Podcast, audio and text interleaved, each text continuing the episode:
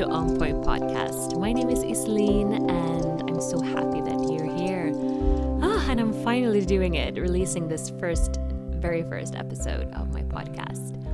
Yes, I guess you already read the title, but I'm going to talk about the event that I attended back in May uh, with uh, Shaman Durek and um, Norway's princess, Martha Louise.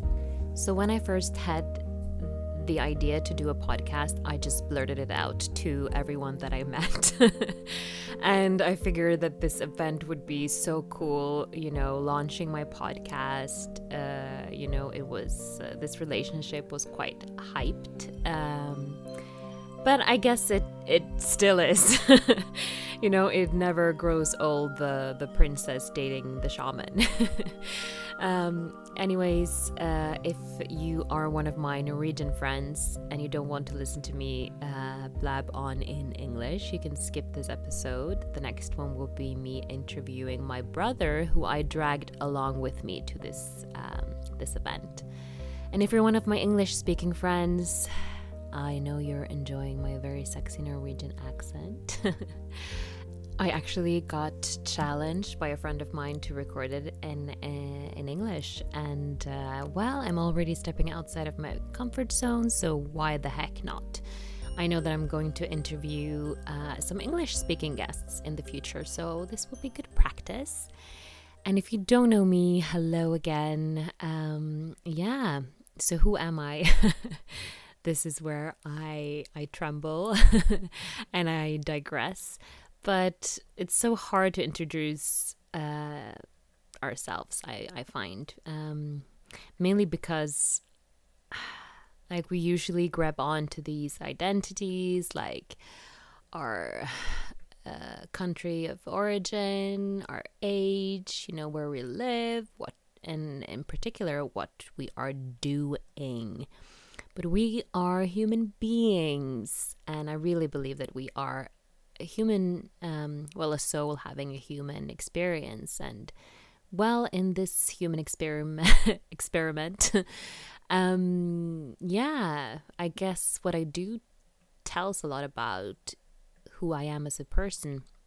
So, uh, what I'm doing these days is I teach yoga, and uh, I've been doing that for some time. I've done a couple of trainings, and yeah, it's it's a passion of mine, and uh, maybe I'll talk to some uh, some yoga teachers as well on here. I I, I believe so.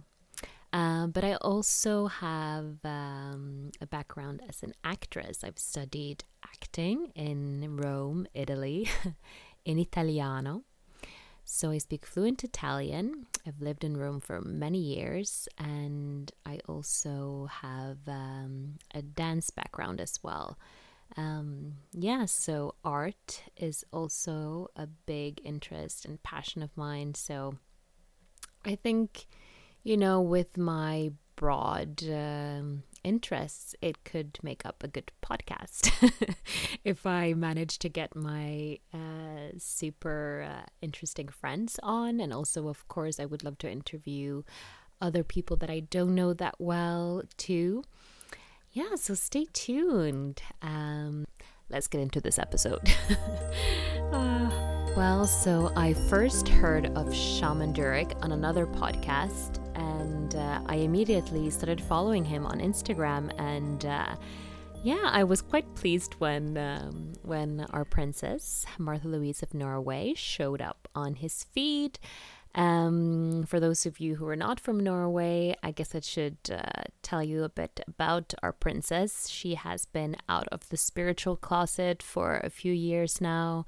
Um, I remember this so vividly because I was living in Rome at the time and I was uh, coming home um, for a summer holiday. And I went to the grocery store, and there at the checkout, I saw the headlines that our princess had opened her own angel school. really, I think it was a, a, sort of like a spiritual academy where people would um, develop, you know, their intuition and I don't know, reading different energies, um, really, I'm not an expert on what went down in that spiritual uh, academy, but I guess working with uh, angels was a part of um, of the outline. And I gotta say, oh, this is why I remember this so vividly. Living in Rome, you know, there's angels on every street corner, basically. And I've taken a fair few courses in art history, and, you know, angels are depicted. And um, I actually, I gotta say, uh, that I think it's quite ignorant to um, to choose not to believe in things that you may not see because uh, it's quite surprisingly um, when you look into it how these beings with wings or not of light has yeah you can find them in i think basically every religion maybe some exception but I remember reading these headlines and internalizing this huge attention that she got and backlash of people laughing at her, even in members of my own family. I realized that I could never speak openly about my beliefs uh, because I would be put into the same box. And this brings me to the talk that Shaman Durek and Martha Louise had in Stavanger, uh, a city south of Bergen uh, they were supposed to do this talk in a church. Martha Louise had asked uh, permission um, from this this priest um, to, you know, do a talk on love. I don't know the specifics, but because of the media frenzy, um, the bishop decided not to to to shut the doors of the church and to uh, to not do the, this talk that would be moderated by the church anyway. And this priest, she held a huge, uh, well, a, a pretty long um, speech where she said that this was a loss for the church, that uh, they wouldn't open their doors. And uh, Martha Louise, of course, spoke to the press that was present at the beginning of this talk. But then she went on to talk about the boxes. you know, and she she's born in quite a, a very special box uh, of the royal family. I, I can only imagine how special, you know, it's this little blue box, I imagine, with velvet and Oh, and then she has to be the princess. And she was talking about the fact that she was quite a tomboy growing up. And it was so hard for her when her mother wanted to put her in these dresses. And of course, I can. I can only imagine um, growing up uh, in the limelight with people taking photos of you, and um, I could clearly see, and I guess all of us could, that she was uh, was suffering for many many years. Um, she has been actively horseback riding professionally, and she even told her father, the king, that, you know, I don't want to receive money from you or the state. I, I want to go ahead and make my own money. This is a very special princess. And uh, well, since then, she's been criticized for using her title as a princess. She's given up her title as the Royal Highness, Princess Martha Louise.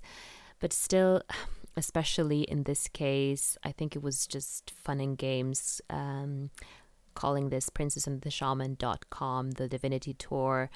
Um, but yeah, she's apologized later on. But back to the boxes. Uh, yeah, I can totally uh, testify to this because I really hate to be put in a box. You know, even though I teach yoga and yeah, maybe I am a yoga teacher, but you know, I'm so much more than that. And even as an actress or whatever, if you're not af- actively working as it, does it mean that you're not that anymore? Well, I think it's just so limiting to be.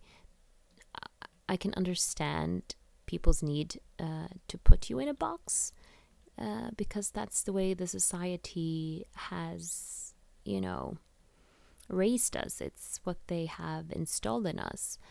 And um, but it's it becomes quite limiting after a while, you know. If you want to reinvent yourself, if you want to do something new, and people always tell you that you're this or that, how can you grow outside of that box?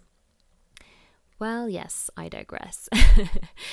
and I got to say that I was super excited to see Shaman. I had been following him, like I said, but also listening into his podcast, um, Ancient Wisdom Today, which is quite. Uh, quite the podcast. I believe that you, that you have to have an open mind, at least. Um, he has some great solo episodes and meditations, and he, and he also interviews so many amazing, um, knowledgeable guests. But uh, he is something special, I gotta say. And you know, when you admire these people from afar, I know this because of my background, even you know, in in yoga, people have this guru mentality and we put people on pedestals, but not only in yoga, you see this in in the theater acting world as well. Oh my god, this person is famous. This person has done this or that. And you know, we're all just human beings in the end. And you know, sometimes we got to sit back and just realize this fact. And because every time we, or if we put ourselves on a pedestal, you know, there will always be someone younger, older, prettier, uglier than you. So, this whole yoga philosophy thing has uh, has taught me a great ordeal and uh, living in this egocentric world it's good you know to to stop, drop in, listen to your breath, and realize who the F you really are.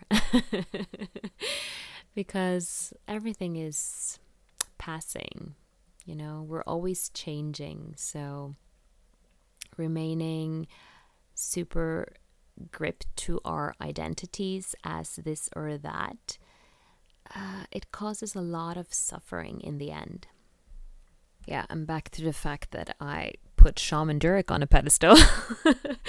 but he has taught me so much and he's such a lit human being. But that's just a represent representation of what lives in me, you know, my potential.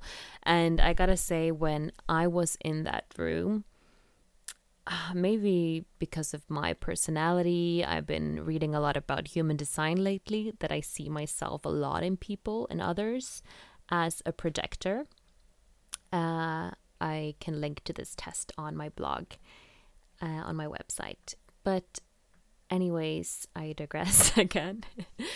um, but the fact that when I was there, I could sort of see myself through their eyes. That yes, I am a powerful person. I am a leader. Um, and you know, at least me, I've belittled myself so much for so long. So it becomes quite intimidating. Um, and they spoke a lot about this as well that uh, we are all leaders. We don't have to lead like have millions of followers or do this or that, but we can all lead someone, you know, our family, our friends. And um, yeah, it was quite powerful. But another thing that I learned having put Shaman Durek on a pedestal, it was, you know, oh my God, he's so amazing. He's this, he's that. But he was actually talking about uh, about this on his podcast that he becomes sad actually when people over, all over the world attend his events and tell him this or that that he's so amazing and so beautiful and talented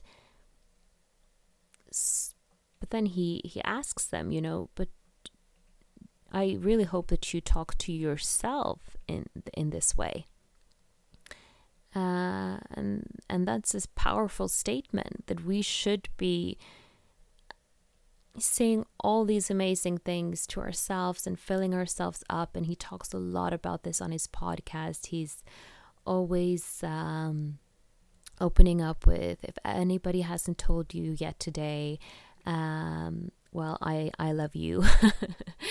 and uh, well, if you want to be a part of the Lit committee and get on the Lit train, listen to his podcast. Another part of this is the fact that if I put him on this pedestal, uh, where's Princess Martha Louise in all of this? Um, well, she was super happy to introduce him to the Norwegian audience. She's bit, already been on tour many times with her books on highly sensitive people, with her ex uh, business partner, partner, who has co written uh, these books along with her. Um, and I gotta say, I attended their talk in Bergen a few years ago on the highly sensitive people and it was it was interesting. well, I didn't know what to expect. I was gifted this ticket at the very last last minute, and I was actually sick. Um, but uh, listening to Martha Louise talk, it was really she's really funny, you know that, and she's uh, a real badass woman, uh, and and a leader, um, a leader of legacy, as Shaman Durek says. Uh, but um, yeah, she was telling all these fun stories of her growing up as a highly sensitive, you know, in the castle. uh, so she has a good uh, sense of humor. And uh, yeah, talking about their experience experiences in general. And you know, it's nice to feel understood. If you're not surrounded by other like-minded people, you know, they we see the world so differently and especially as highly sensitive people there's so much to take into consideration like i get so bothered myself by by harsh lighting for example and loud places so it's good to to listen to experiences that you can relate to and ah have a good sigh of relief to finally be understood. Oh. But I guess this event that um, uh, our princess and Shaman Durek put on was kind of shamanism sugar coated in a way because I could feel that the audience wasn't 100% in it. you know, I think there were a lot of skeptic uh, skeptics present, and um, well, that changes the energy and when we started to do some of the more shamanistic exercises, I could see that people, you know, also as a yoga teacher, I see this, you know, when you enter a room, you feel the energy, you see people cross their legs and cross their arms to protect themselves. And um, Shaman Durek was making fun of them, you know. you have to be open minded. Uh, um, you cannot uh, experience something new or get a new idea of some great invention by being closed off. Like, this is the way we progress, this is the way the world evolves. It's by having an open mind of imagining something that isn't yet real. You know, he was making this example of uh, if Thomas Edison hadn't hadn't been able to imagine electric light or invented the light bulb, we would still be in the dark ages. so, you know, when people are skeptic, it's natural, but you know, if you don't even try for yourself to experience something, well, it makes it pretty darn difficult. And as I said, from a yoga teacher perspective, I know the people um, most people haven't been practicing breathing. They don't even know how to breathe. Uh, it's stuck somewhere up in the chest region somewhere. And um, yeah, that's the first step learning how to control your breathing. Uh, but, anyways, uh, yeah, it made it difficult uh, to, do the, to do these exercises. But in the end, I loved the exercises that he made us do. It was all about um, increasing our capacity to love, uh, and it was uh, it was beautiful. I can't wait till next time when he comes to visit Norway. And yeah, um, if you have any questions, feel free to reach out. You can find me at isalinemork.com or on Instagram. So the handle is just my name. Or you can follow my on point dot podcast, my other IG account where I release all the information about my new episodes. But the information is also up on my on my website where you will find all the links to what my guests are up to. And I just want to finish this episode with thanking you. Thank you. Thank you, thank you from the bottom of my heart. If you listen to this whole episode, you know it's a lot of um, umming and ahhing, and yeah, it's not easy birthing this uh, this thing, especially on a solo podcast in another language. But you know, I'm a recovering perfectionist, and it's it's good enough. I'm I'm gonna leave it at that. But I also want to give a huge shout out to my friend Lynn Katrine. Taklo for letting me borrow her music. So the instrumental parts are from her song It's Only a Matter of Time, and you can look it up on YouTube. The link is also up on my page as we speak.